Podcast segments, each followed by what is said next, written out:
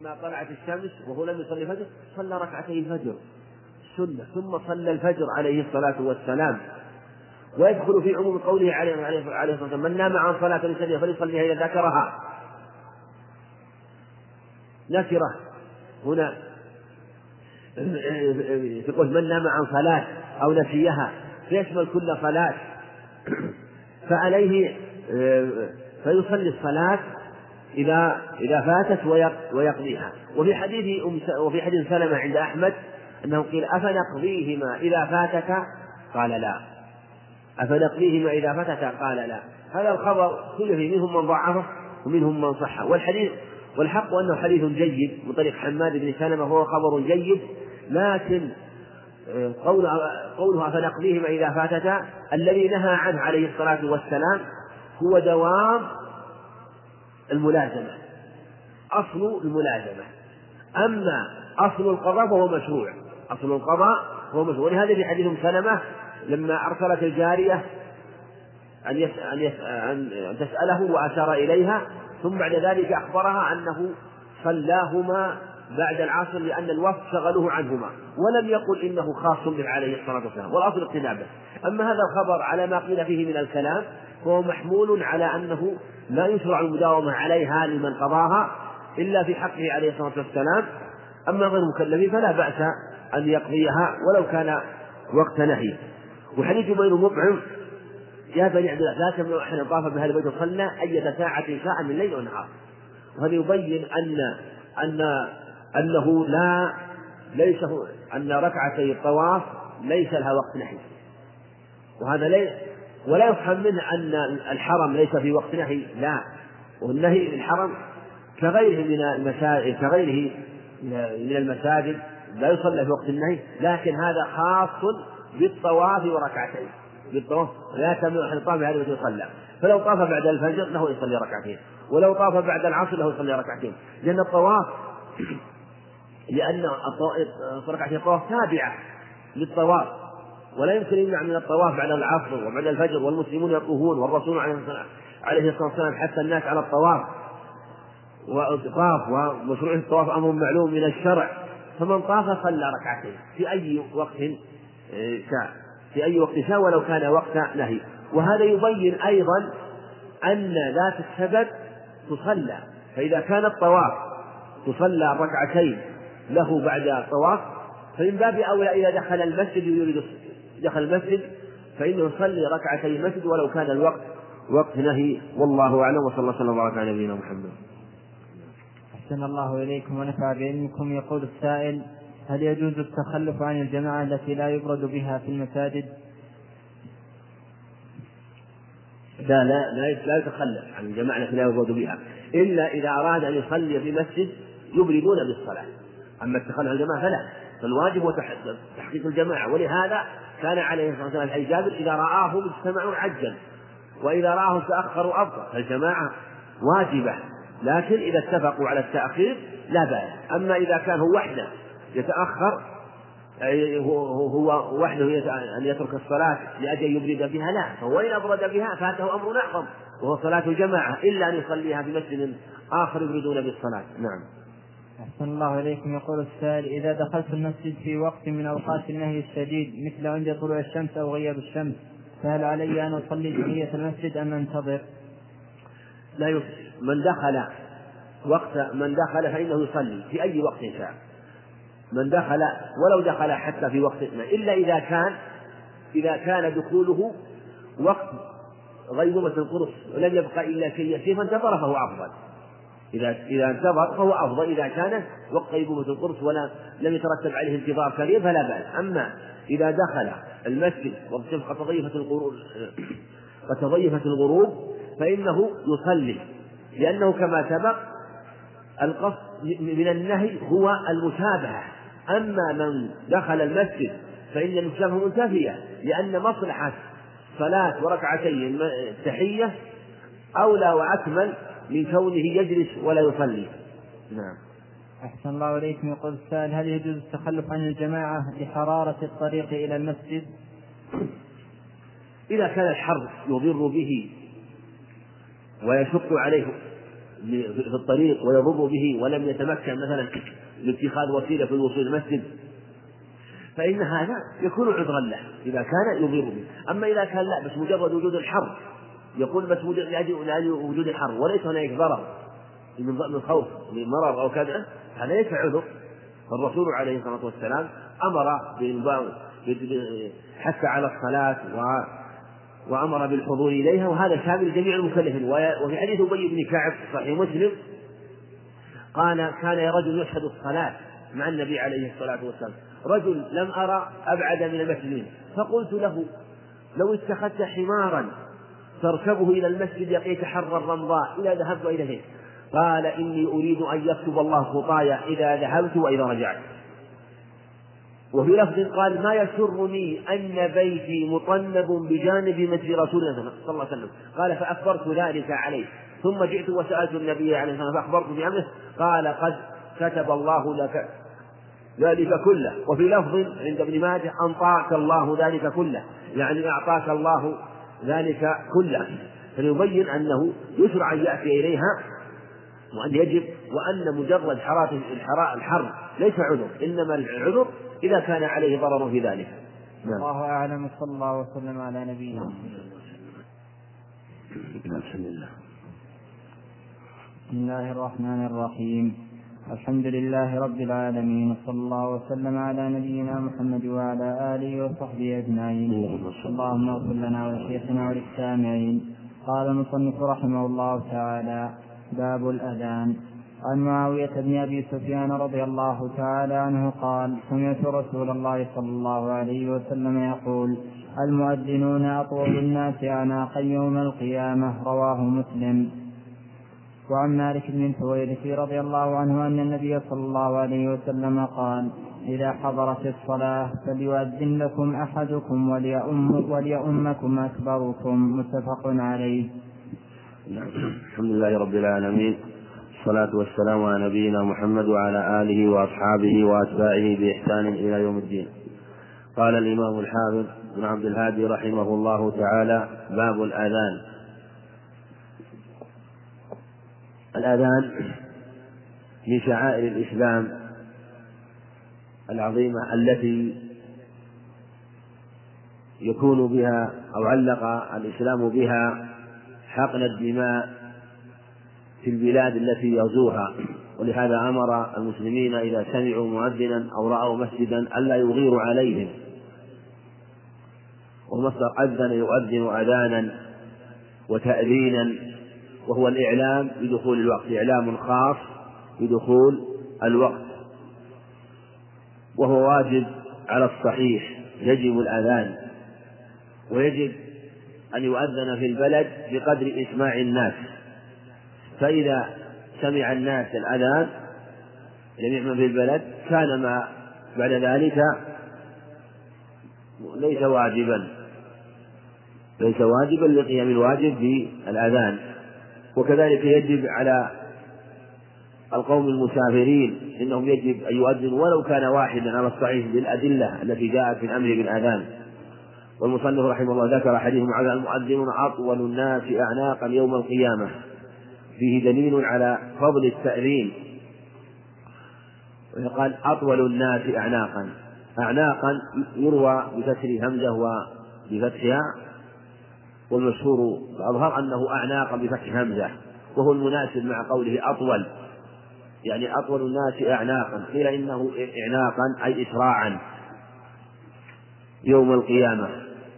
والمراد أنهم أنه الطول الحقيقي الحسي كما هو ظاهر الحديث. وفي هذا دليل في هذا دليل على فضل التأذين وفضل المؤذنين. خاصة في ذلك اليوم فإن طول العنق دليل على السلام من أهواله ومن شدته. ومن أحكام متعلقة بالأذان أو أحكام الأذان كثيرة بسطها أهل العلم. والمصنف رحمه الله أشار إلى بعض الأخبار في هذا الباب كما سيأتي. ومنها ما ذكر في حديث مالك إذا حضرت الصلاة فليؤذن لكم أحدكم وليؤمكم أكبركم. هذا صيغة لام الأمر فليؤذن يعني أنه ي... وهذا ظاهر أنه يجد التأذين. وهذا خطأ به مالك بن حويرث. وكانوا شبابا قد جاءوا جماعة من الشباب جاءوا من أهليهم إلى النبي عليه الصلاة والسلام ليتعلموا أحكام الدين. فلما أرادوا السفر قال لهم ذلك وقال يؤذن لكم أحدكم. وليؤمكم أكبركم. وهذا استدل به بعض العلم على أن الإمام أفضل من التأذين وهو الأظهر أن الإمام أفضل من التأذين وكلاهما فيه فضل لكن الأدلة. أقرب في هذا ولهذا كانت موصف النبي عليه الصلاة والسلام.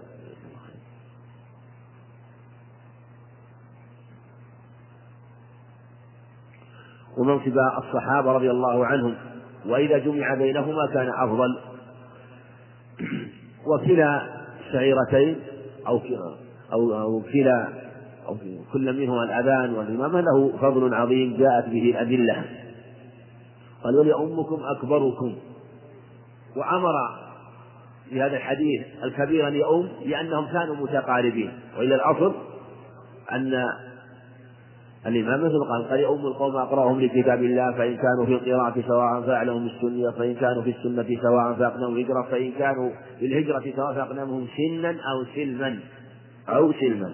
فهم كانوا متقاربين في العلم وفي في قراءة القرآن وفي العلم وكذلك إسلامهم. كان واحدا فاستووا في هذه الخصال.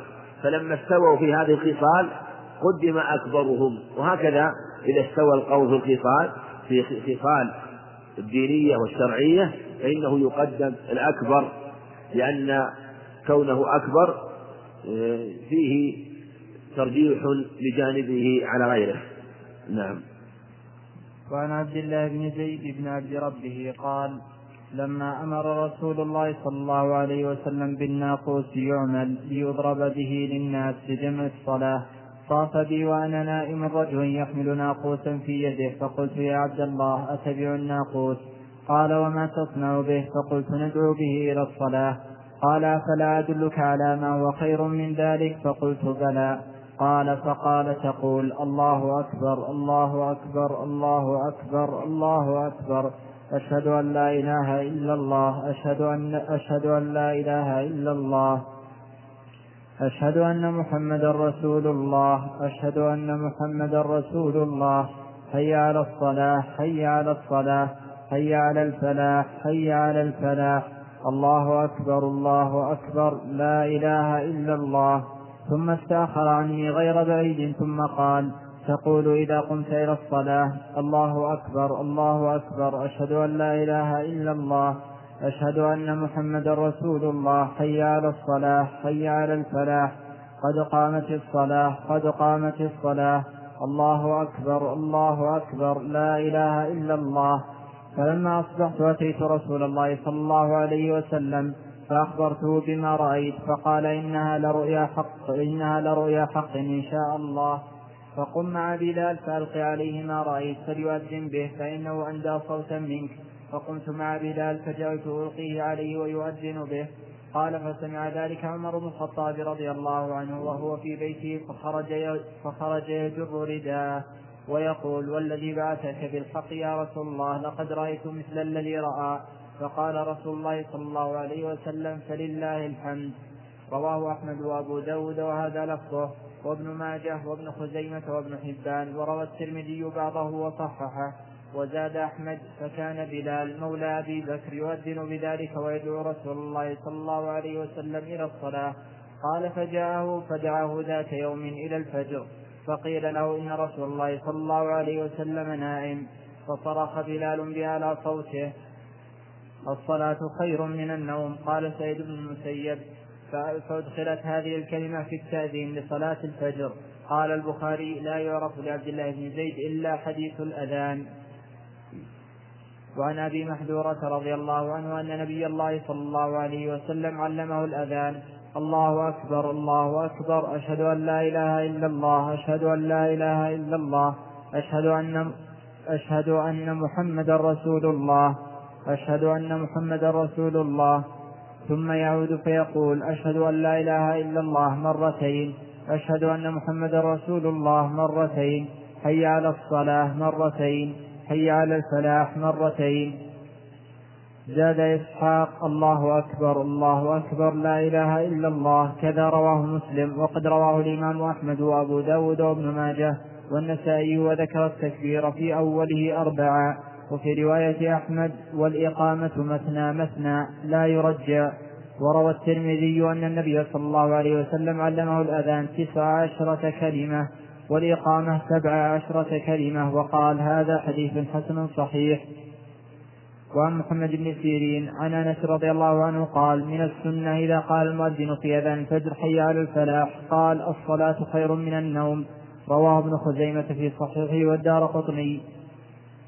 وعن أنس قال لما كثر الناس ذكروا أن ذكروا يعل ذكروا أن يعلموا ذكر أن يعلموا ذكروا أن يعلموا وقت الصلاة بشيء يعرفونه فذكروا أن يوروا نارا أو أو يضربوا ناقوسا فأمر بلال أن يشفع الأذان ويوتر الإقامة متفق عليه.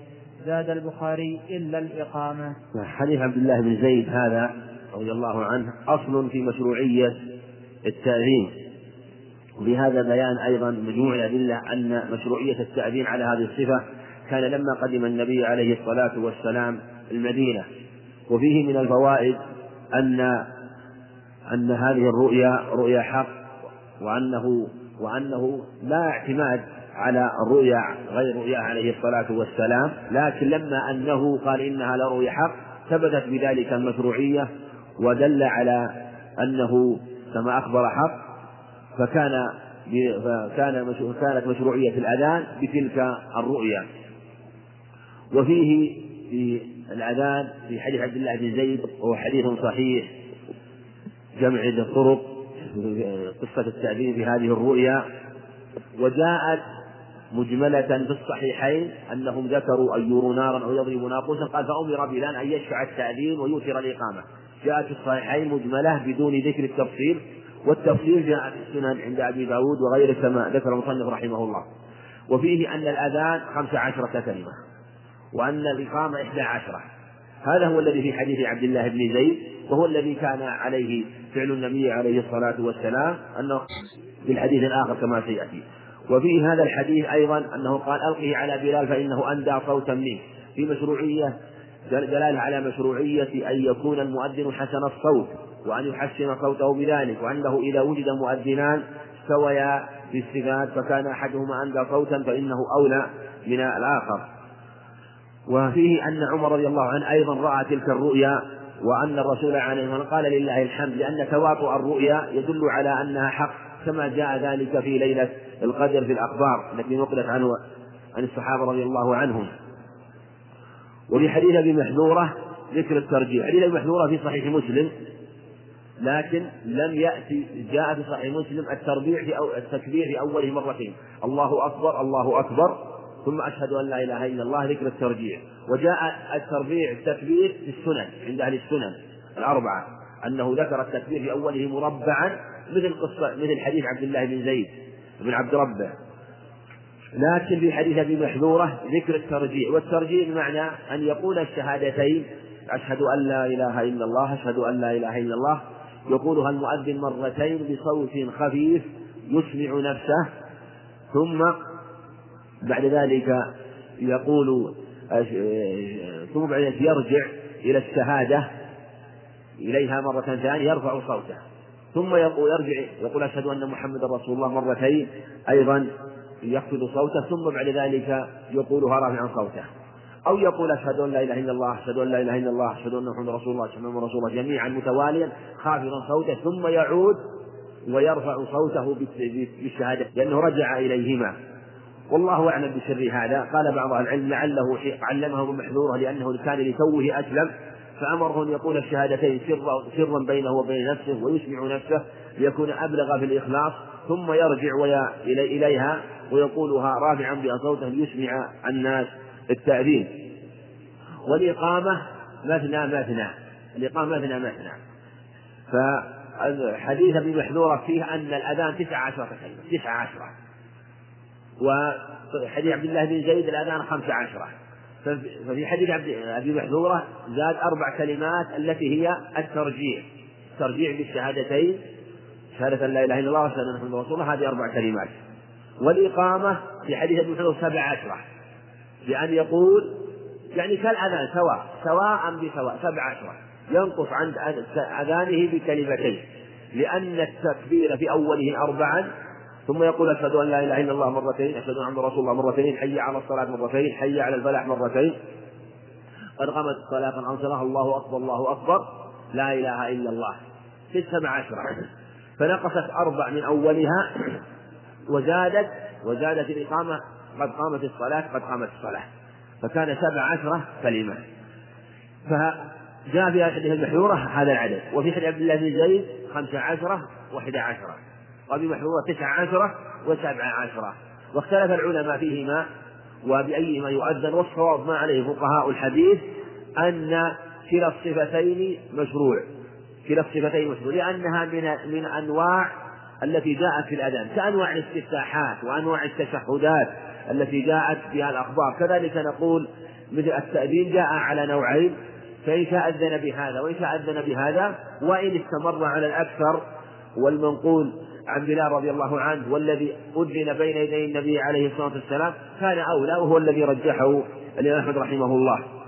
وفي حديث محمد بن سيرين أنه قال من السنة إذا من السنة في أذان الفجر أن يقول الصلاة خير من النوم. يعني مرتين. الصلاة إذا قال حي على الصلاة إذا قال الصلاة خير من النوم. وهذا في حديث أنس عند ابن خزيمة بإسناد صحيح.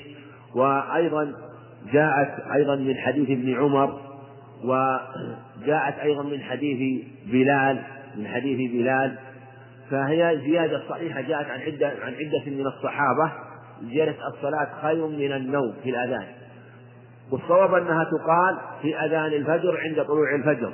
وجاء في بعض الأخبار في الدعوة الأولى. قل في الدعوة أنه أمره أن يقول في الدعوة الأولى الصلاة خير من النوم. والمراد بالدعوة الأولى التي هي الأذان. بالنسبة للإقامة لأن الإقامة الدعوة الثانية للصلاة والأذان الدعوة الأولى. فيقال الصلاة خير من النوم عند عند ابتداء عند طلوع الفجر في الأذان لا الأذان الأول الذي هو قبل طلوع الفجر. وفي حديث وحديث أنس هذا جاء معناه أيضا من حديث ابن عمر الصحيحين أنهم لما ذكروا الناقوس وذكروا البوق لما لأنهم كانوا في أول الأمر يجتمعون للصلاة بدون أذان فكان إما يعني أن يعلم بعضهم بعضا ففكروا في الأمر واجتهدوا في بماذا يعلمون الناس فذكروا البوق وذكروا الناقوس وفي بعض الألفاظ ذكروا الشبور أنواع من الآلات التي ينادى بها ويكون لها صوت قوي. فعند ذلك قال فأمر بلال. الفاء هذه هي الفصيحة بمعنى أنه فجاء عبد الله بن زيد فأخبر النبي عليه الصلاة والسلام بما رأى فقص عليه الأذان فقال له قم يا بلال فأذن. ففيه اختصار دلت عليه رواية السنن وأنه جاء عبد الله بن زيد فأخبر ثم أمره عليه الصلاة والسلام أن أن يشفع الأذان يعني أن يجعله شافعا شفعا يعني يكبر مرتين أن أن جميعه شفع. والإقامة إفراد في حديث في حديث بلال.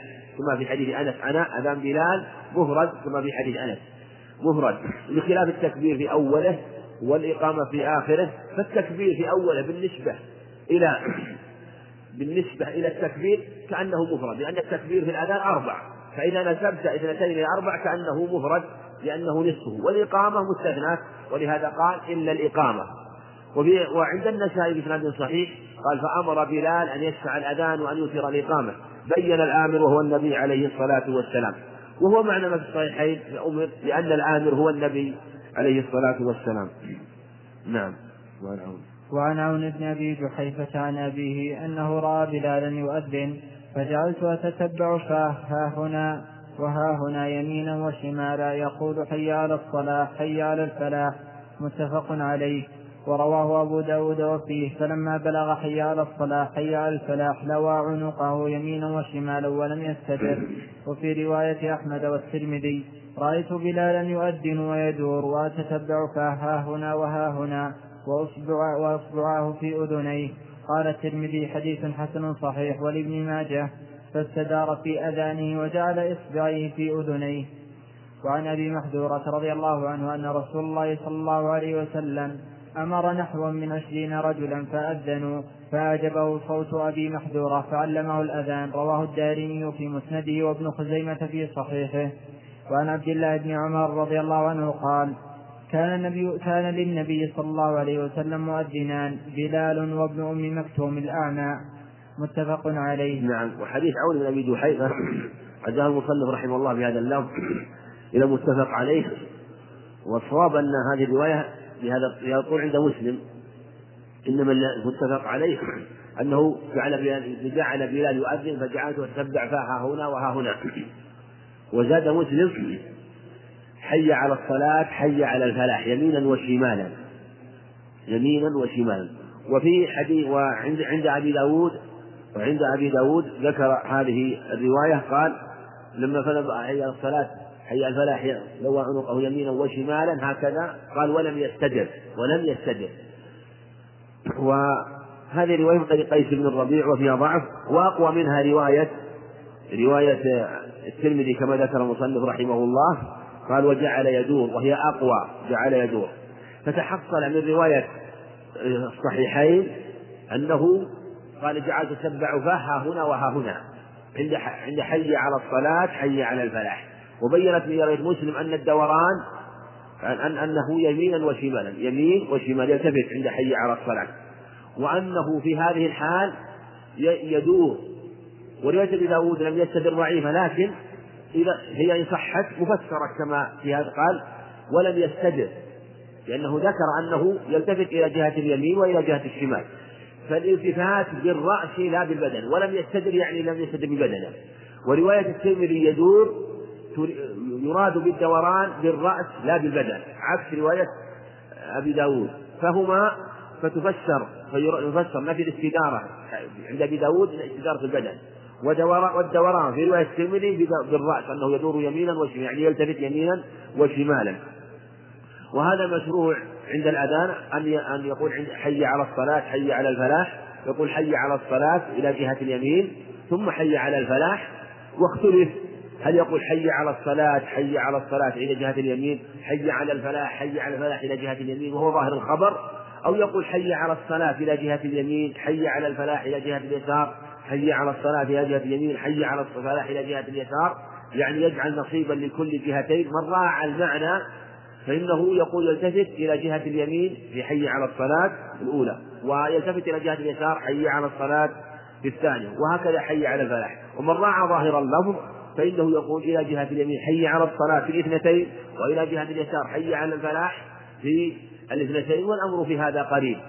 وهذا يبين أن المقصود من الالتفات هو الإسماع ولهذا قال الإمام أحمد رحمه الله إذا لم يكن في من أراه لا ففهم أحمد رحمه الله أن وهو الذي فهمه للعلم أن الاستدار المقصود بها الإبلاغ لأن قولك حي لأن قول المؤذن حي على الصلاة نداء لمن كان بعيدا عن المسجد. فعلى هذا لو كان مثلا يؤذن في المكبر وكان التفاته يؤثر على التأذين ولا يسمع فإنه لا يلتفت التفاتا كثيرا حتى يذهب الصوت لأنه يذهب المعنى المقصود من الإسماع. لكن لو أنه التفت التفاتا يسيرا يحصل به أن يحقق ظاهر السنة من الالتفات ويحصل به الإسماع فإن هذا أفضل. فالمقصود أنه في حي على الصلاة حي على الفلاح يلتفت إلى جهة يمينه وشماله وفي حديث أبي محذورة عند ابن ماجه وعند الدارمي وهو وإسنادها أيضا صحيح وفيه أنه عليه الصلاة والسلام أعجبه صوته و لأنه سبق في الوهلة الثانية في الوهلة التي سبقت ألقه على بلال فإنه أندى صوتا منك لأنه أعجبه صوت أبي محذورة فعلمه الأذان عليه الصلاة والسلام. وفي حديث عبد الله بن عمر الصحيح كان للنبي عليه الصلاة والسلام مؤذنان. فلا بأس أن يتخذ المسجد مؤذن أن يتخذ له مؤذنان أو ثلاثة لأنه إذا جاز اثنان ثلاثة وأربعة كذلك فالحكم واحد وهذا عند الحاجة. فلو كان المسجد كبيرا مثلا وهذا قد يتخذ أحيانا خاصة إذا كان كبيرا وأذن مؤذنان في أطرافه عليه في طرفه في طرفه من جهة الشرق وهذا من جهة الغرب أو أربعة من جهة الشرق واحد والغرب واحد والشمال واحد والجنوب واحد بشرط أن يكونوا متباعدين ولا يسمع ولا ولا يغالط بعضهم بعضا أو أن يؤذنوا واحدا بعد الآخر يؤذنوا واحدا بعد الآخر كله جائز. أما إذا استغني عن ذلك بوجود المكبر بوجود مكبر يغني عنه فإن المقصود هو الإسماع. فإذا احتج إليه جاز أن يتخذ أكثر من مؤذن كما اتخذ النبي عليه الصلاة والسلام. نعم. وعن ابن عباس وعن ابن عباس وجابر رضي الله عنهما قال لم يكن يؤذن يوم الفطر ولا يوم الأضحى متفق عليه. وعن جابر بن سمرة رضي الله عنه قال صليت مع النبي صلى الله عليه وسلم العيدين غير مرة ولا مرتين بغير أذان ولا إقامة. رواه مسلم. وفي هذا وفي هذين الخبرين عن ابن عباس وجابر الصحيحين وعن جابر بن سمرة أنه لا يؤذن يوم الفطر والأضحى. وهذا هو المشروع لا يؤذن بل اتخاذ الأذان لها بدعة. لأن لأن الأذان لا يشرع إلا للصلوات الخمس. ولا يشرع لغيرها إنما يشرع في صلاة الكسوف الصلاة جامعة الصلاة جامعة. أما العيدين العيدان فإنه لا يشرع لهما التأذين لأن التهيؤ لهما والاستعداد لهما ومعرفة وقتهما أمر ظاهر واضح فلا يحتاج إلى التأذين فلهذا لم يؤذن النبي عليه الصلاة والسلام فيهما وهكذا تبعه الصحابة رضي الله عنهم. نعم. وعن أبي قتادة في حديث طويل فيه النوم عن الصلاة وفيه ثم أذن بلال بالصلاة فصلى رسول الله صلى الله عليه وسلم ركعتين ثم صلى الغداة وصنع كما كان يصنع كل يوم رواه مسلم. وروى وروي عن جابر عن وروي عن جابر عن النبي صلى الله عليه وسلم أنه أتى المزدلفة. نعم, نعم. وروى. يعني وروى مسلم. نعم. وروى وروى عن جابر عن النبي صلى الله عليه وسلم أنه أتى المزدلفة فصلى بها المغرب والعشاء بأذان واحد وإقامتين. وعن سعيد بن جبير عن ابن عمر رضي الله عنهما قال جمع رسول الله صلى الله عليه وسلم بين المغرب والعشاء بجمع. فصلى المغرب ثلاثا والعشاء ركعتين بإقامة واحدة.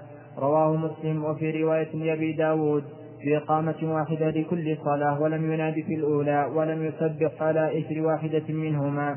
وفي رواية ولم يناد في واحدة منهما. نعم حديث أبي قتادة.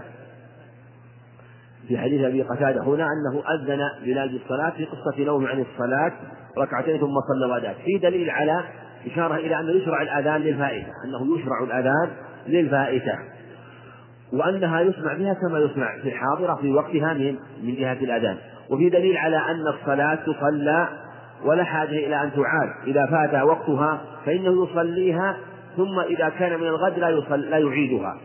أما رواية فمن أدرك منكم صلاة غدا صالحا فليصلي معها مثلها فليصلي معها مثلها فإنه رواية شاذة أو ضعيفة. والمراد أنه لم يتحول وقتها. المراد أنه فقد خشي عليه الصلاة والسلام أن يظن الصحابة أن وقتها تحول فبين أنه إذا جاء وقت الفجر من الغد فصلوها عند بعد طلوع الفجر ولا تؤخروها طلوع الشمس فإنه لم يتغير وقتها إنما نمنا عنها. وجاء في رواية عند عند النسائي بإسناد صحيح إن أنه عليه الصلاة والسلام قال إن الله لا يحرم لم يحرم عليكم الربا فيقبله منكم. معنى أن أن الصلاة لا تصلى مرتين بل تصلى في وقتها مرة واحدة. في حديث جابر أنه أتى المزدلفة عليه الصلاة والسلام فصلى بها المغرب والعشاء بأذان واحد وإقامتين. وفي حديث ابن عمر بإقامة وجاء عند عن ابن عمر بإقامتين وجاء في بعض الروايات بأذانين وإقامتين. اختلفت الروايات جدا في صلاة المغرب والعشاء في المزدلفة. اختلفت الروايات. هل هي بإقامة أو بإقامتين أو بأذانين وإقامتين أو بأذان وإقامتين؟ كل هذا ورد. وأصح ما جاء من الروايات ما رواه جابر رضي الله عنه أنه أخبر أن النبي عليه الصلاة والسلام لما أتى المزدلفة أذن أمر أمر بالأذان ثم أقام للمغرب ثم أقام للعشاء. وحديث جابر رضي الله عنه هو معتمد في هذا الباب لأنه هو الذي روى حجة النبي عليه الصلاة والسلام وفصلها فلهذا ما اختلف فيه من الأخبار من فيما نقل عن النبي عليه الصلاة والسلام في في حجته فإنه يرجع إلى حديث جابر فإنه منسك مستقل وهو رضي الله عنه ضبط حجة النبي عليه الصلاة والسلام وتابعها منذ خرج إلى المدينة حتى رجع إلى المدينة فهي فهي منسك مستقل فرحمه الله ورضي عنه وقد ضبط مواقع مواقع تنقله في من من منى إلى عرفة ثم إلى المزدلفة ثم إلى منى ثم لما ذهب إلى مكة حتى انتهى من حجته عليه الصلاة والسلام. أما حديث ابن عمر اختلفت الروايات عنه.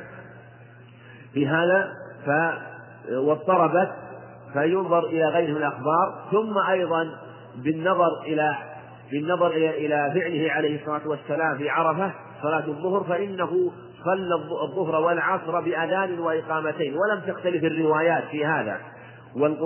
والمعنى واحد والقاعدة واحدة في هذا الباب لأنه لما صلاها بأذان وإقامتين وحكم أيضا جمع الصلاتين الليليتين حكم الصلاتين النهاريتين أنها بأذان وإقامتين. ثم المعنى أيضا من جهة أنه عليه الصلاة والسلام جمع بينهم من أجل أن يتفرغ للعبادة. وكذلك جمع بين المغرب والعشاء لما جاء المزدلفة لأنه جاء من بعد هذا العمل العظيم وبعد الوقوف في عرفة فأراد أن يؤذن أن يجمع بين الصلاتين ثم يرتاح حتى يستعد لعمل ذلك لعمل يوم النحر لأن فيه غالب أعمال الحج. المقصود أنه يؤذن ويقام للمغرب ثم بعد ذلك يقام للعشاء. ولأن المعنى يقتضي من جهة أنه نداء للصلاة والنداء للصلاة قد حصل بالنداء الأولى لأنهما مجموعتان في وقت واحد. نعم. وعن ابن عمر رضي الله عنهما أن رسول الله صلى الله عليه وسلم قال إن بلالا يؤذن بليل فكلوا واشربوا حتى يؤذن ابن أم مكتوم قال وكان رجلا أعمى لا ينادي لا ينادي حتى يقال أصبحت أصبحت متفق عليه. وعنه أن بلالا أذن قبل طلوع الفجر فأمره النبي صلى الله عليه وسلم أن يرجع فينادي ألا إن العبد نام؟ فرجع. فنادى ألا إن العبد نام؟ رواه أبو داود. وذكر علته وقال ابن المديني والترمذي هو غير محفوظ.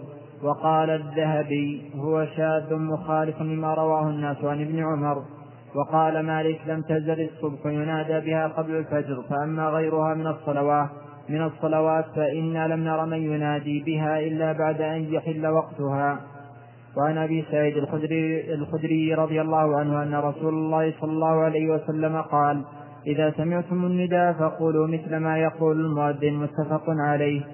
وعن جابر بن عبد الله رضي الله عنه أن رسول الله صلى الله عليه وسلم قال من قال حين يسمع النداء اللهم رب هذه الدعوة التامة والصلاة القائمة آت محمدا الوسيلة والفضيلة وبعثه مقاما محمودا الذي وعدته حلت له شفاعتي يوم القيامة.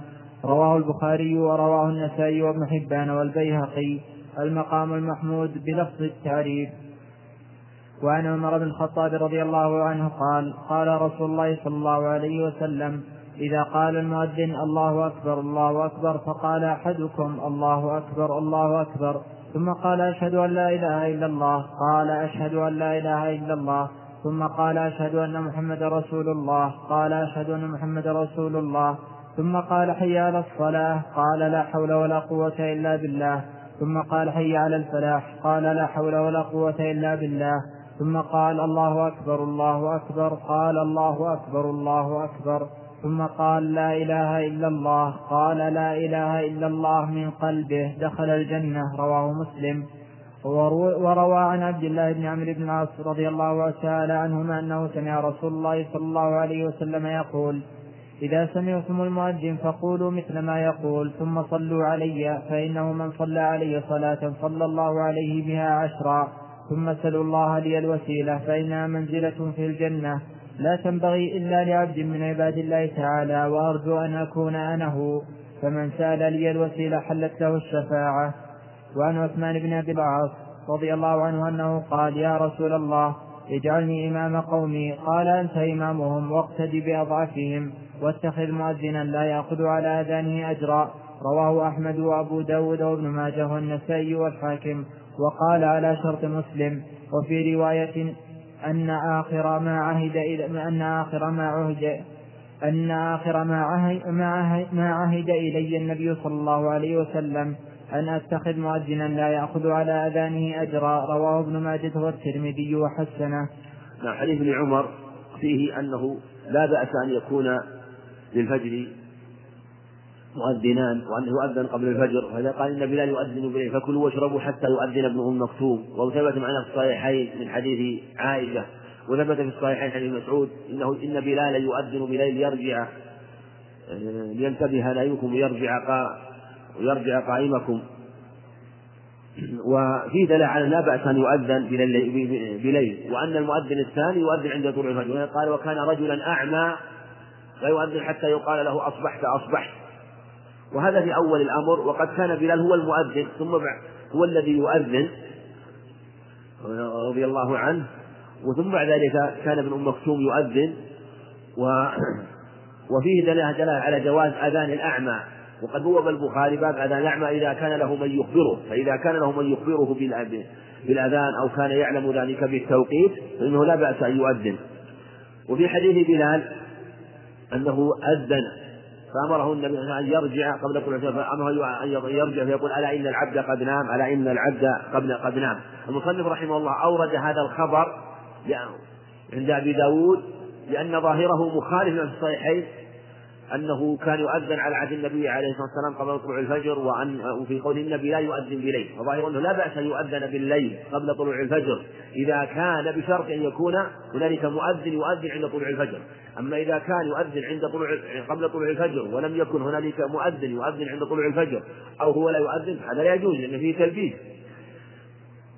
فالمقصود أن حديث حديث الثاني حديث ابن عمر فيه أنه عليه الصلاة والسلام أمر أن يرجع. والمصنف رحمه الله ورده لأنه مخالف حتى ينظر في الجمع بين الأخبار وهذه طريقة أهل العلم في مثل هذا حتى يعلم وينظر. والصواب أن هذا الخبر لا يصح مرفوع إلى النبي عليه الصلاة والسلام لأنه اتفق الحفاظ على أنه وهم أو من حماد بن سلمة وأن هذه القصة وقعت في عهد عمر بن الخطاب رضي الله عنه وأن مؤذنا له يقال له مسروح أو مسعود أذن قبل طلوع الفجر فأمره أن يرجع وأن يعيد الأذان لأنه كان يؤذن عند طلوع الفجر. وحديث ابي سعيد الخدري فيه إذا سمعتم النداء فقولوا مثل ما يقول. إذا في لفظ إذا سمعتم المؤذن فقولوا مثل ما يقول المؤذن. دلالة على مشروعية إجابة المؤذن وهذا محل اتفاق بين أهل العلم. وذهب الجمهور إلى أنه مستحب وقال الأحناف إنه واجب. واستدلوا بحديث ما في صحيح مسلم أنه عليه الصلاة والسلام سمع المؤذن يؤذن فقال لا إله إلا الله ثم قال فقال على الفطرة ثم قال محمد رسول الله قال خرج من النار. هكذا قال الجمهور واستدلوا بهذا الخبر. والقول بالوجوب قول قوي لأن أما ذاك أما الحديث حديث أنس في صحيح مسلم ليس بصريح لأنه يحتمل أنه في غير وقت الأذان. محتمل في غير وقت الأذان ومحتمل أنه عليه الصلاة والسلام أجاب لأن ليس من خبر أنه لم يجيبه. فلهذا الأدلة الصحيحة في الأمر بإجابة المؤذن فالقول بوجوب إجابة المؤذن قول قوي من جهة الأمر بها. وحديث جابر أن أيضا في الدعاء في الدعاء من قال حين يسمع عند اللهم رب هذه الدعوة التامة الحديث الصلاة القائمة محمد الوسيلة والفضيلة وابعثه مقاما محمودا الذي وعدته هكذا في صحيح البخاري مقام بالتنكير وعند أحمد المقام. والدعوة التامة هي دعوة التوحيد. له دعوة الحق فهي دعوة التوحيد. والصلاة القائمة يعني الحاضرة المو... التي تقام. آتي محمد الوسيلة والفضيلة والدر... وآتي وأما قول الدرجة الرفيعة فهذه زيادة ليست موجودة في الخبر. وابعثه مقاما محمودا الذي وعدته المقام المحمود قيل الشفاعة. وقيل إنه الشفاعة وما يكون معه. هذا هو الصواب أن المقام المحمود جميع ما يحمد به عليه الصلاة والسلام وما يكرمه الله به في ذلك اليوم من الشفاعة ومن الإذن ومن الإذن له بالسجود ومن سؤال الله عز وجل بتلك الكلمات التي يفتح الله عليه بها. وكذلك إن ثبت الخبر في إجلاسه على العرش معه فإنه أيضا يكون من ضمن المقام المحمود الذي يغبط فيه يغبطه فيه الأولون والآخرون عليه الصلاة والسلام. وعن وحديث عمر بن الخطاب رضي الله عنه في إجابة المؤذن. وكما سبق يشرع أن يجيب المؤذن كلمة كلمة. إلا في قولك حي على الصلاة لا تقول حي على الصلاة. تقول حي على الف... تقول لا حول ولا قوة إلا بالله. لأنه نداء لك بالحضور للصلاة. فناسب أن تقول لا حول ولا قوة إلا بالله فتستعين تستعين الله وتسأله سبحانه وتعالى يعني لا حول عن معصية لا حول لا حول إلا بالله في كل شيء ولا قوة على أي شيء إلا بالله. وقيل لا حول عن معصيته إلا بعصمته ولا قوة على طاعته إلا بتوفيقه. وهذا ضعيف والصواب أنه لا حول للإنسان على أي شيء سواء كان سواء كان من جهة المعصية أو من جهة الطاعة. لكن المعصية والطاعة من ضمن هذه الأمور. فلا حول ولا قوة إلا بالله. تقول لا حول ولا قوة إلا وإن جمعت بينهما قلت حي على الصلاة كما يقول. جمعت بينهما فهو أفضل أيضا لأن بعض العلماء في الأصول ذكروا أنه يقولون إذا أمكن الجمع بين العام والخاص بلا تنافر جاز الجمع بينهما. أما إذا لم يمكن الجمع بين العام والخاص فلا فيتبع الخاص. وهذا الحديث خاص في قول لا حول ولا قوة إلا بالله وقوله إذا سمعتم النداء فقولوا مثل ما يقول عام ومن قال ومن قال حين يسمع النداء فالأحد الأدلة جاءت بأن يقول مثل ما يقول المؤذن عام ثم جاء بذكر إذا سمع الحوقلة يقول لا حول ولا قوة إلا بالله. ويقال إذا أمكن الجمع بينهما بلا تنافر جاء. وفي هذا يمكن أن يجمع بينهم يمكن يقول لا حول ولا قوة يقول حي على الصلاة لا حول ولا قوة إلا بالله حي على الفلاح لا حول ولا قوة إلا بالله فإذا جمع بينهما فلا بأس بذلك. وفي معنى حديث عبد الله بن عمرو. في إذا سمعتم المؤذن فقولوا مثل ما يقول ثم صلوا عليه. بالأمر كما في حديث أبي سعيد الخدري وظاهره الوجوب. خلاف والجمهور قالوا على الاستحباب. ثم صلوا عليه. ثم سلوا الله لي الوسيلة. فالذي يسمع النداء أولا يشرع له يجيب المؤذن ثم بعد ذلك يسأل الله له الوسيلة عليه الصلاة والسلام. ثم يصلي على النبي عليه الصلاة والسلام. ويشرع أن تقول أشهد أن لا إله إلا شريك له وأشهد أن محمدا عبده ورسوله. وثبت في صحيح مسلم من حديث سعد بن وقاص أنه من قال هذه الكلمة وأجاب المؤذن وقال وقال هذه الكلمة فإنه يغفر له. وفي لفظ قال حلت له الشفاعة. وفي لفظ آخر عند البخاري حلت عليه الشفاعة. فهي تحل له وتحل عليه. وللرسول عليه الصلاة والسلام شفاعات كثيرة فينال واحدة منها إذا قال مثل هذا الدعاء. وفي حديث عثمان بن أبي العاص أنه قال اجعلني إمام قومي. قال أنت إمامهم واقتدي بأضعافهم واتخذ مؤذن لا يأخذ على أذان أجرا يعني جعله إماما وفي هذا الجواز طلب يعني أنه لا بأس أن يطلب في مثلها الخاصة إذا كان ولاية شرعية يترتب عليها مصلحة شرعية فلا بأس من ذلك ويعلم أن غيره لا يقوم بها. وقال أنت أنت إمامهم واقتدي بأضعافهم. أمره أن يجعل الضعيف كأنه قدوة. يعني كأنك تجعل الضعيف قدوة لك في عدم المشقة عليهم كأنك كأنك تقتدي به وتتبعه واتخذ مؤذن لا يأخذ على نهجه فلا وفي هذا دلالة لمنع الأجرة على الأذان كما قال أو جمع من العلم وأن المؤذن لا يشترط يقول لا أؤذن لكم إلا بكذا لا أصلي لكم إلا بكذا أصلي الشهر بكذا. لا فيأخذ. أما إذا أخذ الأجرة بغير شرط مثل أن يصلي بالقوم أو يؤذن بهم ويعطوه ويعطونه بلا شرط فهذا فهذا لا بأس به. أو كان جعلا ويأخذهم بيت المال فلا بأس به. أما إذا كان على سبيل المشارطة فإن هذا إجارة فهذا دائر بين التحريم والكراهة بظاهر بظاهر هذا الخبر. نعم باب شروط. باب شروط الصلاة. وعن أبي هريرة رضي الله تعالى عنه قال قال رسول الله صلى الله عليه وسلم لا يقبل الله صلاة أحدكم إذا أحدث حتى يتوضأ. متفق عليه واللفظ لمسلم. وعن أبي سعيد الخدري رضي الله تعالى عنه أن رسول الله صلى الله عليه وسلم قال لا ينظر الرجل إلى عورة الرجل ولا المرأة إلى عورة المرأة ولا يفضي الرجل إلى الرجل في ثوب واحد ولا تفضي المرأة إلى المرأة في الثوب الواحد. رواه مسلم. وعن بهز بن حكيم عن أبيه عن جده قال قلت يا رسول الله عوراتنا ما نأتي منها وما نذر. قال احفظ عورتك إلا من زوجتك وما ملكت يمينك. قلت فإذا كان القوم بعضهم في بعض قال إن استطعت ألا يراها أحد فلا يرينها. قلت فإذا كان أحدنا خاليا. قال فالله تبارك وتعالى أحق أن يستحيا منه من الناس. رواه أحمد وأبو داود وابن ماجه والنسائي والترمذي وحسنه. وإسناده ثابت إلى بهز وهو ثقة عند الجمهور. وعن أبي الدرداء رضي الله عنه قال كنت جالسا عند النبي صلى الله عليه وسلم إذ أقبل أبو بكر آخذ آخذا بطرف ثوبه حتى ابدا عن ركبته. وقال النبي صلى الله عليه وسلم أما صاحبكم فقد غامر. الحديث رواه البخاري. وروى عن أبي موسى رضي الله عنه أن النبي صلى الله عليه وسلم كان قائدا في مكان فيه ماء قد انكشف عن ركبته أو ركب عن ركبتيه أو ركبته. فلما دخل عثمان غطاها. نعم. قال المصنف رحمه باب شروط الصلاة. ذكر جملة من الأخبار في هذا الباب وذكر الحديث أبي هريرة هو أصل في هذا. لا يقول صلاة أحدكم إذا أحدث حتى يتوضأ. وهذا محل إجماع من أهل العلم أن الصلاة لا تقبل إلا بطهارة. وفي صحيح مسلم عن ابن عمر لا يقبل الله صدقة لا يقبل صلاة بغير طهور ولا صدقة من غلول فالطهارة شرط للصلاة والصواب أنه وكذلك فإنه لا تصح الصلاة سواء أحدث عمدا أو ناسيا فإنه يجب عليه يعيد الوضوء والصلاة وسواء كان حدثه في الصلاة أو خارج الصلاة سبق معنا أنه أنه ولو سبقه الحدث فإنه يجب عليه يعيد الوضوء وأن يعيد الصلاة وأن يستأنفها من أولها لبطلان الصلاة. بخلاف ما إذا دخل محدثا ثم تذكر فإن صلاته باطلة بإجماع العلم. إنما الخلاف فيما إذا سبقه الحدث وسبق أن الصواب أنه كما أن وضوءه باطل فصلاته أيضا تبطل. وفي حديث أبي سعيد الخدري في صحيح مسلم أن أن الرجل لا يجوز أن ينظر إلى عورة الرجل وكذلك المرأة إلى عورة المرأة ولو في الرجل الرجل في الثوب الواحد والمرأة إلى المرأة في الثوب الواحد. فعورة الرجل من السرة إلى الركبة.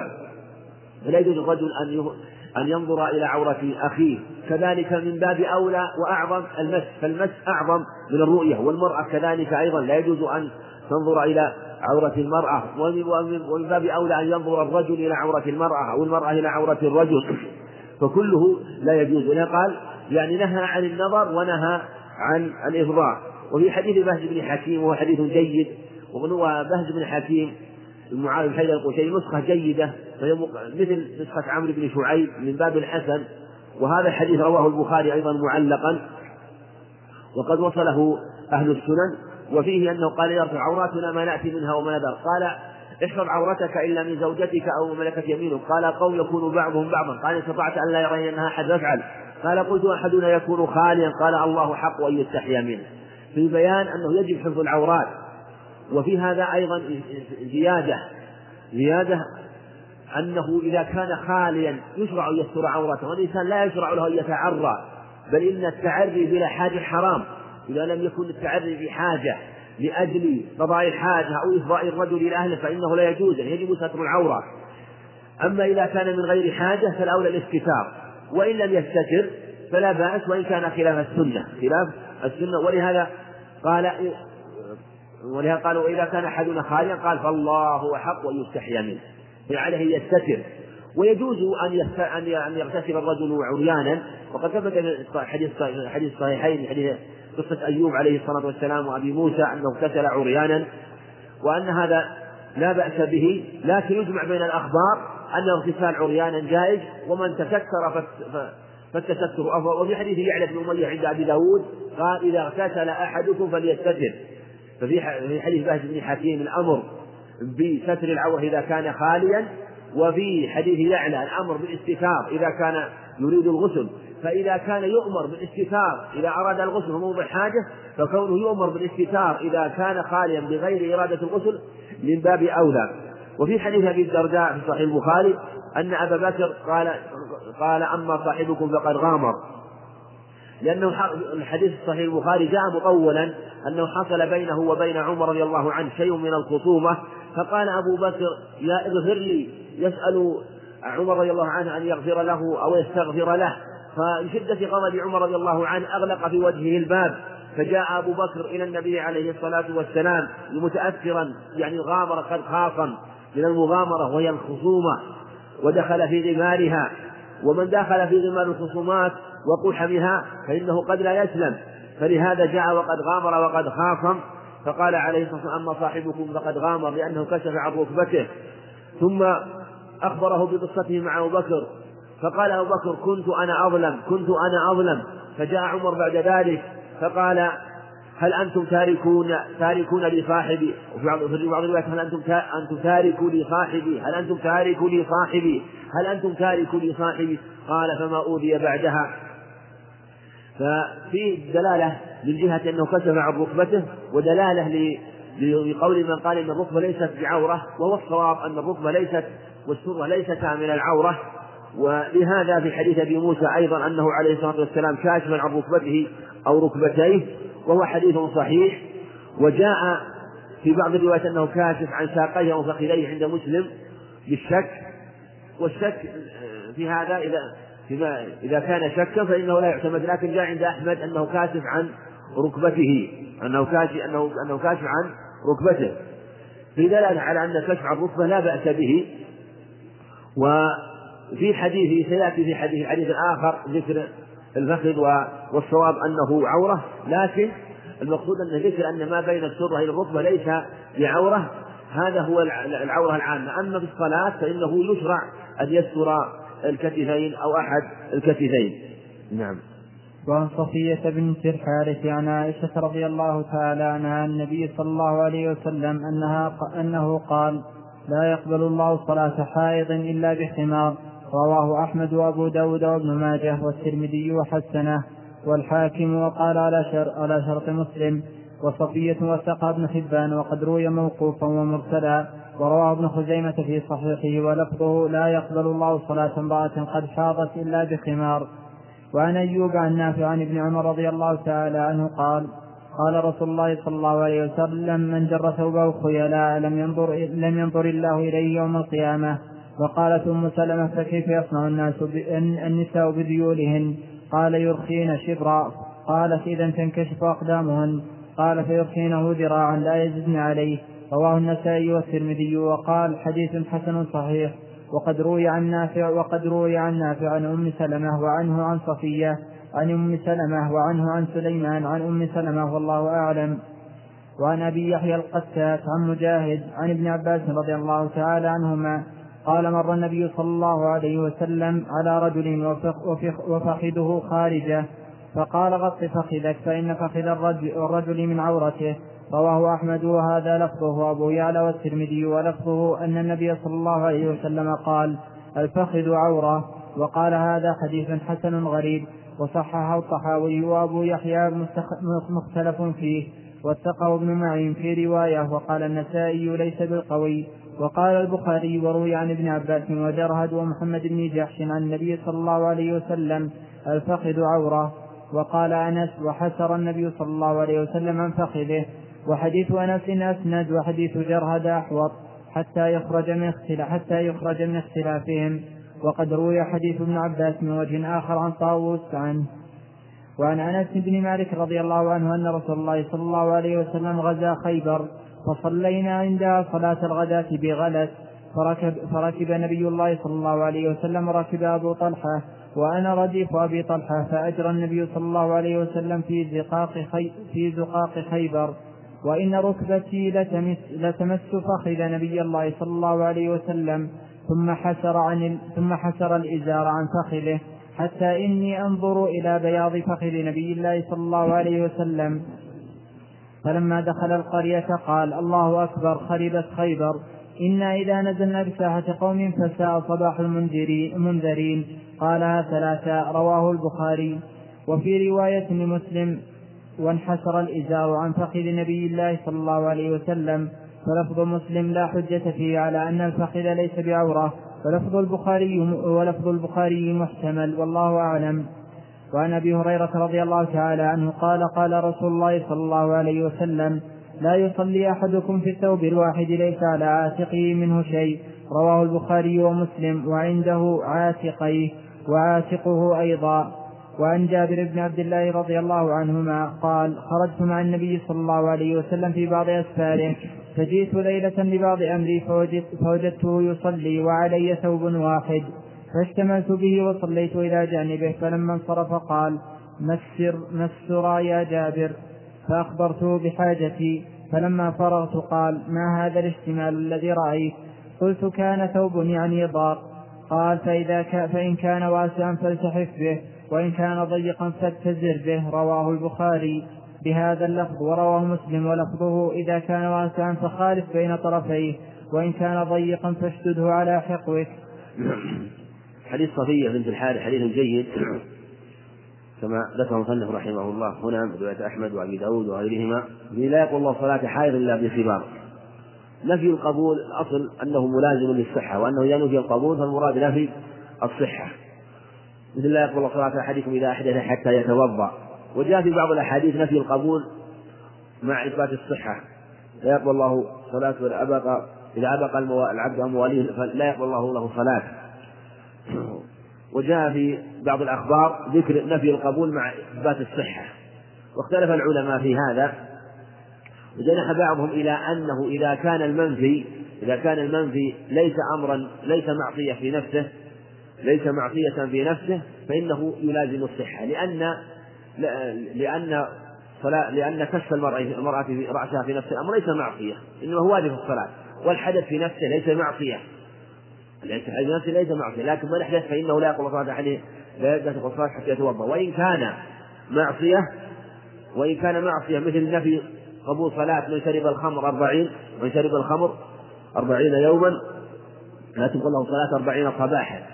فإذا كان المنفي مقارنا للمعصية فإنه فإنه يكون نفي القبول المراد به آه، نفي نفي الصح نفي القبول هنا يثبت معه نفي الجزاء ومع وجود الإجزاء. نفي الأجر وأنه لا أجر له لكن مع ثبوت الجزاء مع ثبوت الجزاء. كما ثبت ولهذا قال رب صام ليس له من صيامه إلا الجوع والعطش. ليس له من صيامه إلا الجوع والعطش. فأثبت أنه ليس له من صيام إلا الجوع والعطش مع أن صيامه مجزئ لأنه قارن معصية وهو آه أنه آه تلبس ببعض المعاصي في صيامه. فالحائض إذا بلغ فالمرأة إذا بلغت يعني حاضت فإنها لا يقول صلاتها حائض إلا بخمار حتى تختمر وتستر رأسها وتستر جميع بدنها إلا وجهها إذا لم يكن عندها أجانب. وفي حديث ابن عمر وحديث أيضا جيد فيه أنه يحرم لبس تحرم الخيلاء ويحرم أيضا إسبال الثياب لعموم الأدلة في هذا الباب والتي جاءت في تحريم الإسباب والإسبال وفيه أنه قالت كيف يصنع النساء بديونهن؟ يعني بثيابهن. فقال يرخينه شبرا قالت تنكشف أقدامهن قال يرخينه ذراعا لا يجدن عليه. ففي دلالة على يجب على المرأة أن تستر قدميها ويشرع أن لباسها غير لباس الرجل و وأن وأن المرأة لا يجوز أن تلبس لبسة الرجل والرجل كذلك لا يجوز له أن يلبس لبسة المرأة والرسول عليه لعن الرجلة من النساء وأيضا الذي يلبس لبسة النساء وكذلك لعن المتشبهين للرجال لعن المشبهين من النساء بالرجال والمشبهات من النساء من الرجال لعن الله المخنثين من الرجال. ففيه أنه يجب على المرأة أن تستر قدميها. وفي حديث سلمة إذا كان وفي حديث سلمة قال إذا تصلي المرأة في درع وخمار قال نعم إذا كان ساترا يغطي ظهور قدميها. وأن يجب أن تستر قدميها. وفي حديث أبي يحيى القتات هنا ذكر الفخذ وأن الفخذ عورة. وهذا جاء له شواهد من محمد بن جحش ومن حديث ابن عباس وفي عدة أخبار عن النبي عليه الصلاة والسلام في ذكر أن الفخذ عورة. والمصنف أيضا هنا ذكر الخبر الآخر عن أنس رضي الله عنه وأنه انحسر فخذه انحسر الرداء عن فخذه. وفي لفظ انحسر عن فخذه كما عند البخاري وعند مسلم قال فانحسر عن فخذه. قال البخاري حديث أنس أسند وحديث جرهد أحوط ليخرج من اختلافهم. ففي هذا جمع بين الأخبار من جهة أنها أحوط حديث أنس وفيها دلالة على أنه يجب أنه يشرع العمل بالاحتياط.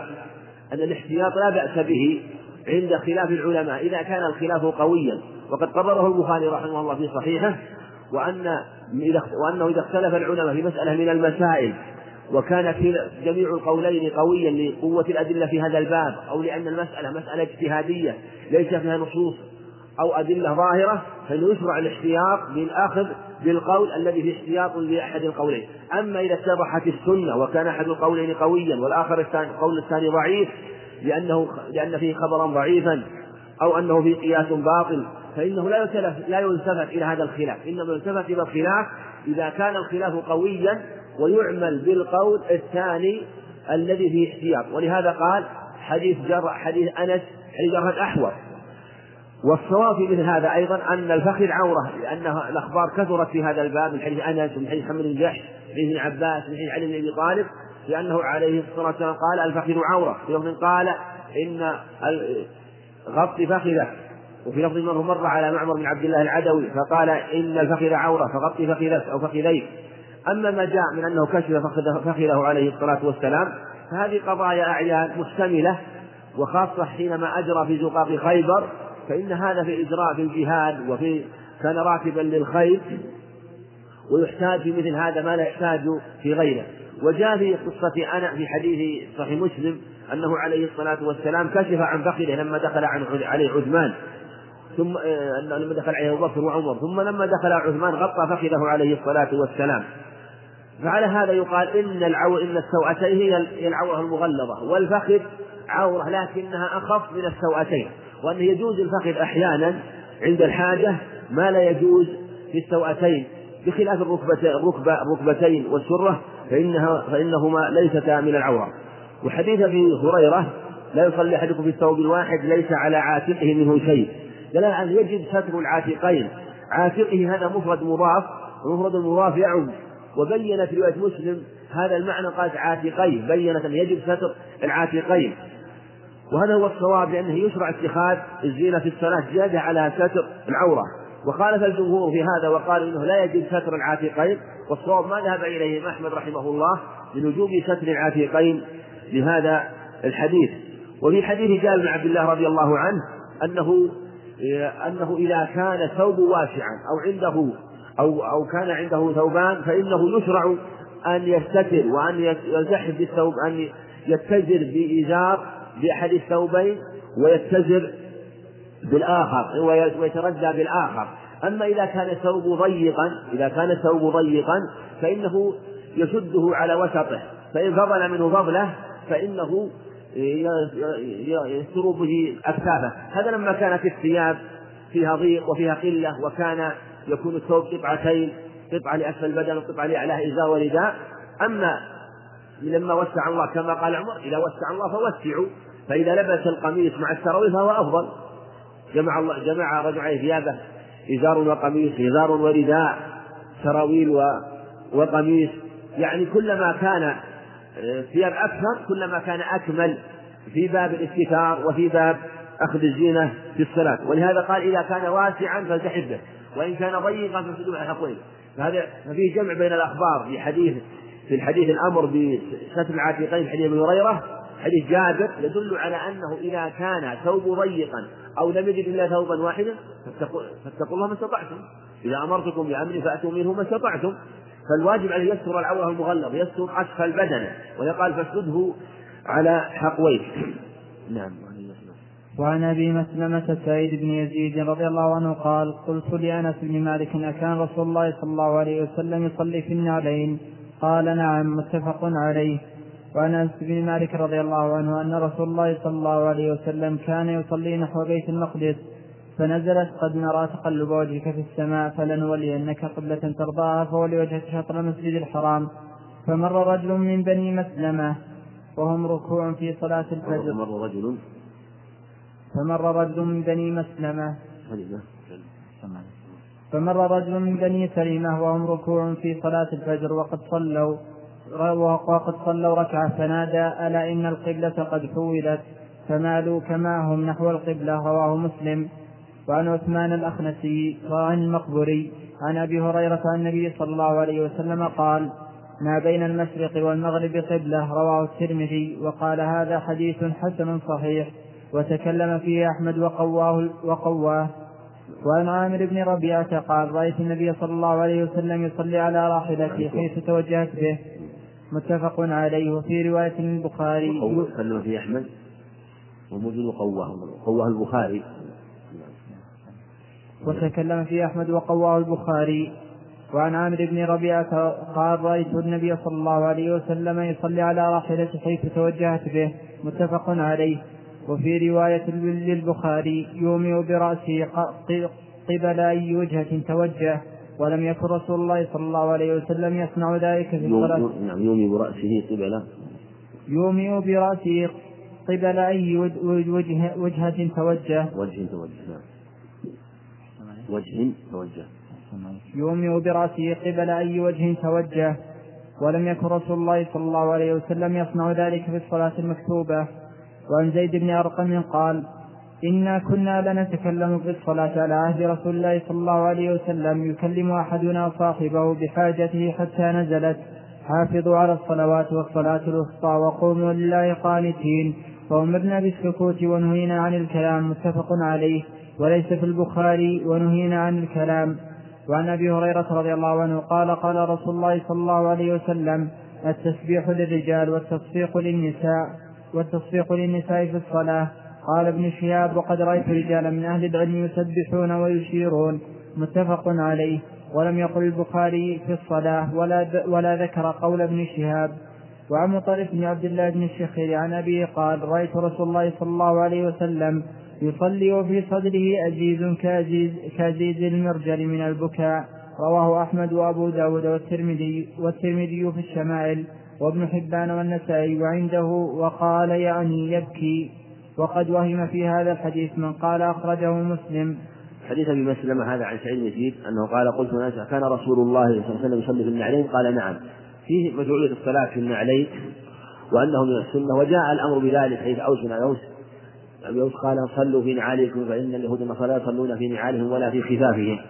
فهذا مع تحقق فهذا مع إذا تتحقق طهارتها من نجاسة فلا بأس أيضا مع مراعاة عدم تقديم المسجد وهذا كما ذكر العلم حيث كانت المساجد غير مفروشة ولم يكن فيها تقدير. أما إذا كانت إذا فرشت المساجد وكان يترتب على ذلك وجود الغبار ويعلق بها شيء من هذا فهذا نوع من نوع من الإذا يتعلق بالمسجد لأن لأن المساجد إذا فرشت يشرع تنظيف تنظيفها وإزالة الأذى والغبار. المقصود أن الأصل هو مشروعية الصلاة بالنعال كما ثبتت بذلك الأخبار كما كان يصلي عليه الصلاة والسلام بذلك بسنة الفعلية وكما أمر بذلك ولأنه قال إنه فيه مخالفة لليهود والنصارى في مشروعية مخالفتهم. في قصة حديث أنس أنهم استداروا إلى جهة القبلة جهة الكعبة وكانوا يصلون إلى جهة المشرق. في أن مثل هذا لا بأس به وأن الحركة في الصلاة للحاجة لا بأس بها. وهذه لا شك حركة كثيرة لأنهم إذا كانوا إلى جهة المشرق وكان الإمام قريب من الجدار فإن التفاته إلى جهة المشرق لا بد أن يكون في حركة كثيرة من الإمام والمؤذن. وفي اللفظ الآخر أن انتقل النساء مكان الرجال والرجال مكان النساء. وفيه دلالة على أنه لو أنه أنه اجتهد إلى جهة القبلة فإنه يصلي إلى جهته. فلو تغير اجتهادك إلى جهة القبلة إذا تغير اجتهاد كنت تصلي مثلا إلى جهة ثم تغير اجتهادك إلى جهة اليمين تلتفت إلى جهة اليمين. وإن كنت في الصلاة أما إذا قطع بأن جهته إلى جهة اليمين وتبين له أن جهته إلى جهة اليمين وتغيرت الجهة بالكلية فإنه يقطع الصلاة لأنه علم الشرط واطلع عليه قبل الفراغ من المشروط وهو الصلاة. أما إذا كان انتقال من اجتهاد الاجتهاد فلا بأس به ويمضي على صلاته. وفي حديث أبي هريرة ما بين المشرق والمغرب قبلة وهذا رواه الترمذي وإسناده لا بأس به وقد روى الترمذي أيضا بإسناد آخر فيه ضعف وقد جاء من طرق أخرى وجاء عن عمر بن الخطاب وجمع من الصحابة بين المشرق والمغرب قبلة. هذا لمن كان في في قبلة أهل المدينة ومن كان على سمتهم ومن كان على سمتهم ما بين المشرق والمغرب قبلة. فهو إذا اتجه إلى إلى جهة الجنوب جعل المغرب عن يمينه والمشرق عن يساره فهو إلى قبلته، وإذا كان جهته إلى الشمال وجعل المشرق عن يمينه والمغرب عن شماله فهو إلى قبلته، وإن كان على قبلته نجد ومن كان في سمت نقول ما بين الشمال إلى الجنوب. فإذا جعل الشمال عن يمينه والجنوب عن يساره فهو إلى قبلته.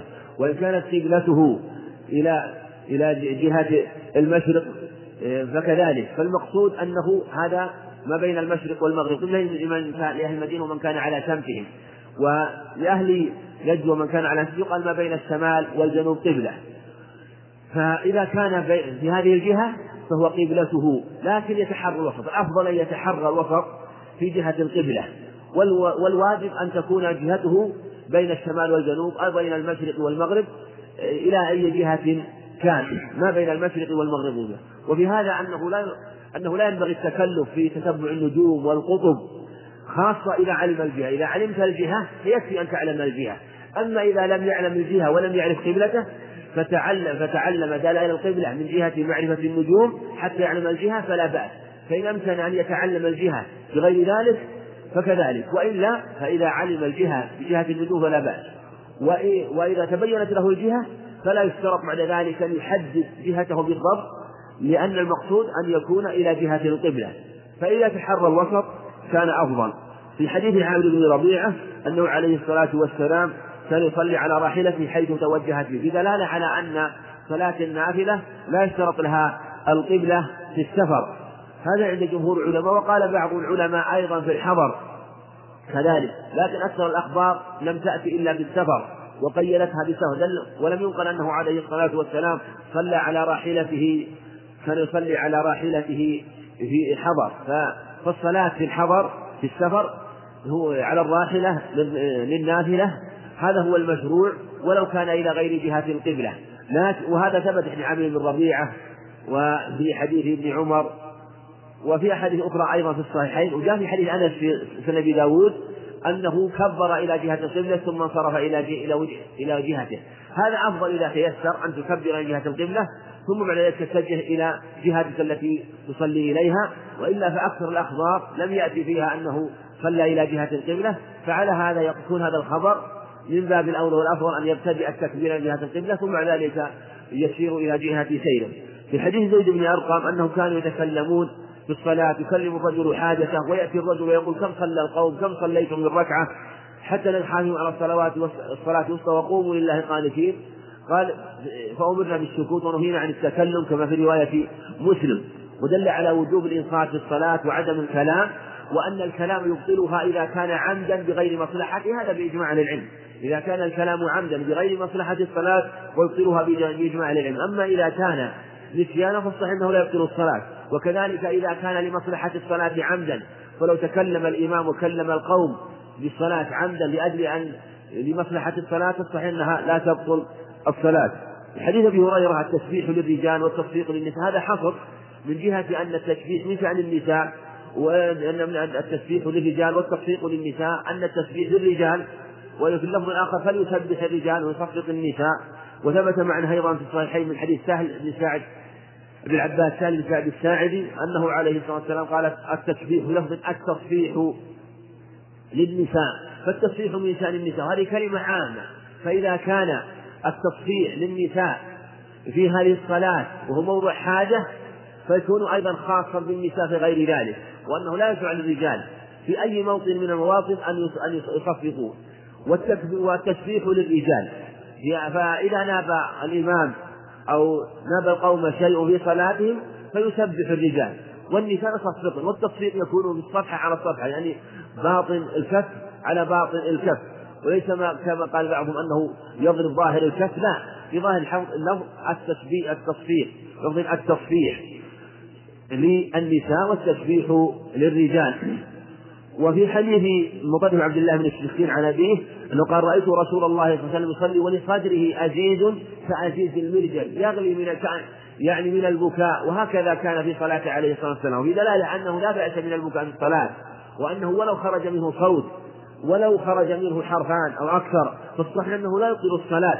وقد صلى عليه الصلاة والسلام في صلاة الكسوف كما حديث عبد الله بن عمرو وكان يقول أف أف لهذا أنه حتى لو خرج منه حرفان فلا بأس ولو غلبه البكاء. لكن لا يكون بكاء وعويلا يكون منه صراخ إيذاء لنفسه وإيذاء لغيره إنما يكون بكاء فيه خشوع ويحصل به المقصود فإن هذا أمر مشروع كما من الأمر المشروع في الصلاة كما جاء عنه عليه الصلاة والسلام وجاء عن عمر أن له نشيد أنه صلى وقرأ سورة يوسف حتى سمعه من في آخر الصفوف. والله أعلم وصلى الله وسلم وبارك على نبينا محمد. أحسن الله إليكم. يقول السائل ما الحكم إذا نسي المؤذن في صلاة الفجر؟ قول الصلاة خير من النوم. هي سنة هي سنة فإن عاد إليها وكررها ثم كرر ما بعدها كان أفضل.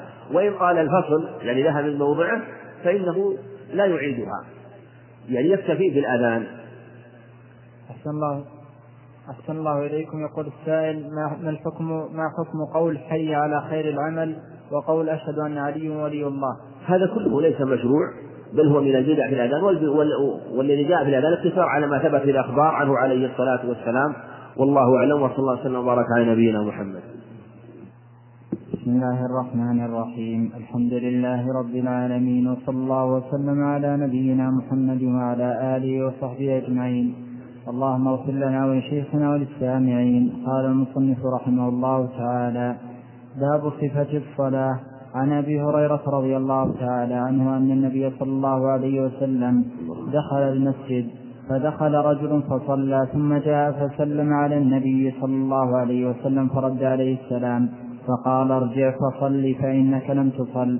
فصلى. ثم جاء فسلم على النبي صلى الله عليه وسلم. فقال ارجع فصل فإنك لم تصلي ثلاثا. فقال والذي بعثك بالحق نبيا ما أحسن غيره فعلمني. قال إذا قمت إلى الصلاة فأسبغ الوضوء ثم استقبل القبلة فكبر.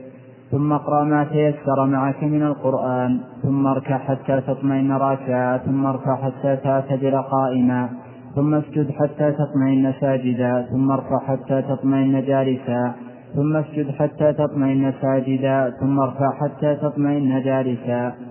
ثم افعل ذلك في صلاتك كلها متفق عليه وهذا لفظ البخاري. الحمد لله رب العالمين والصلاة والسلام على نبينا محمد وعلى آله وأصحابه وأتباعه بإحسان إلى يوم الدين. أما بعد فهذا الحديث الذي ذكره الإمام المصنف الحافظ عبد الهادي رحمه الله حديث أصل في باب صفة الصلاة ولهذا صدر المصنف رحمه الله به هذا الباب هو حديث صحيح متفق عليه أخرجه أصحاب الصحيح البخاري ومسلم وكذلك أهل السنن وجاء له شاهد عند عند أحمد وأبي داود وغيرهما من حديث رفاعة بن رافع وفيه زوائد من الفوائد على هذا الخبر. وفي هذا الخبر فوائد كثيرة وهو حديث تكلم العلماء عليه وتكلموا على شروحه وأطالوا الكلام. لكن يشار إلى نبذ من الفوائد التي تؤخذ من هذا الحديث. من ذلك أنه يشرع السلام أو أنه يشرع رد السلام وتكراره على القوم وإن كانوا قريبين. ولهذا صلى ذلك الرجل ثم جاء فسلم ثم صلى فجاء فسلم ثم صلى فجاء فسلم ثلاثا. ويرد النبي عليه عليه عليه الصلاة والسلام السلام في المسجد. وهو كان قريبا عندهم يبصره ويراه وكان إذا رجع سلم. في هذا أنه إذا فارق القوم ثم رجع ولو كان قريبا يشرع له أن يسلم. وفيه أن من صلى صلاة على غير ما أمر الله فإنها كلا صلاة. فقال فإنك لم تصل يعني كأنه لم يصلي. لفقدان الصلاة الشرعية فلهذا هو في حكم من لم يصلي. وهذا الرجل من حسن أدبه قال والذي بعدك بالحق نبيا لا أحسن غير هذا فعلمني. يعني هذا ما تما هذه معرفتي وهذا إدراكي فعلمني. وفيه من الفوائد أنه عليه الصلاة والسلام لم يعلمه من أول الأمر بل تركه حتى صلي مرة ومرتين وثلاث ليكون أوقع في نفسه. إذا علم ولعله ينتبه لخطأه. وهذا فيه التعليم بالفعل. و ثم بعد ذلك لما أنه لم يحسن الصلاة أرشده عليه الصلاة والسلام إلى ما يجب عليه. وفيه أنه يشرع عن إسباغ الوضوء. إسباغ الوضوء إكماله وإتمامه. إسباغ الواجب أن يغسل كل عضو غسلة واحدة تأتي على جميع العضو والرأس يمسح مع الأذنين. ثم يجب عليه القيام. وثم يكبر. يقول الله أكبر. هذا هو الواجب قولك الله أكبر بهذه الكلمة. في اللفظ الآخر إنه لا تجد حديث عن رافع. إنها لا تتم صلاة أحدكم حتى يضع الطهور مواضعه ثم تقل القبلة فيكبر. وفيه دلالة على يجب التكبير وهو ركن من أركان الصلاة عند الجمهور وقال بعضهم إنه شرط. فلهذا هو واجب آه، بمعنى أنه لازم وهو ركن للصلاة لا تصح الصلاة إلا به إلا به. والواجب قولك الله أكبر. فلو قال الله الكبير أو الله الأكبر أو لله الحمد أو الحمد لله فلا يصح ولا يدخل الصلاة. لأن الحديث جاءت بهذا اللفظ من فعله ومن قوله عليه الصلاة والسلام وقال تحريمها التكبير. تحريمها التكبير. هذا حصر في أن التحريم لا يكون بالتكبير كما أن تحليلها التسليم. ثم بعد ذلك أمر أن يقرأ ما تيسر من القرآن.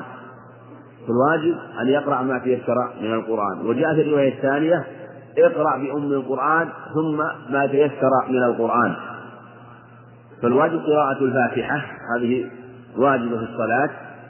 أو ما زاد على ذلك فهو مستحب وليس بواجب. لكن من لم من لم يحفظ الفاتحة وشق عليه ذلك فما تيسر من القرآن. ومن لم يحسن شيئا منه فجاء أنه يهلل الله ويكبره كما في حديث رفاعة بن رافع فإن كان معك القرآن فاقرأه وإلا فحلل وكبر. وفي حديث عبد الله بن أبي أوفى أمر أن يسبح يقول سبحان الله والحمد لله كما سيأتي نعم. ثم بعد ذلك يكمل صلاته. ثم أمره بعدما بعد القيام أن يركع والواجب أن يطمئن في حال الركوع وهذا واجب على الصحيح. أنه يجب أن يطمئن في حال الركوع. والاطمئنان في حال الركوع مقداره ماذا؟ مقداره أن تأتي بالواجب من ذكر الركوع. كما أن الاطمئنان في السجود أن تأتي بالواجب من ذكر السجود. فإذا ركع وقال مقدار سبحان ربي العظيم فإن هذا هو الطمأنينة الواجب. وإذا قال سبحان ربي الأعلى هذه هي مقدار الطمأنينة الواجب. الركوع والسجود لأنه لا يحصل أداء الركوع والسجود لا يحصل أداؤه إلا بهذا الذكر وهو واجب على الصحيح. تسبيح واجب على الصحيح. بل قال بعض العلماء إنه ركن وقال بعضهم إنه سنة. و لكن الأوسط أوسط وهو أن يقال إنها واجب واجبة وسط بين القولين. وهذا هو الذي تجتمع به الأدلة وتدل عليه. ثم أيضا يرفع حتى تعتدل قائما في اللفظ الآخر حتى تطمئن قائما دل على أنه لا بد من الاعتدال والاطمئنان. ثم أيضا لا يسمى اعتدال في لغة العرب ولا في الشرع إلا إذا اطمأن في اعتداله حتى يعتدل قائما. ثم اسجد حتى تطمئن جالسا. أيضا كذلك السجود كما سبق حتى يطمئن في سجوده وكذلك حتى يطمئن في رفعه من السجود. كله مطلوب فيه الطمأنينة وإلا فإنه لم يصلي. ثم قال افعل ذلك في صلاتك كلها.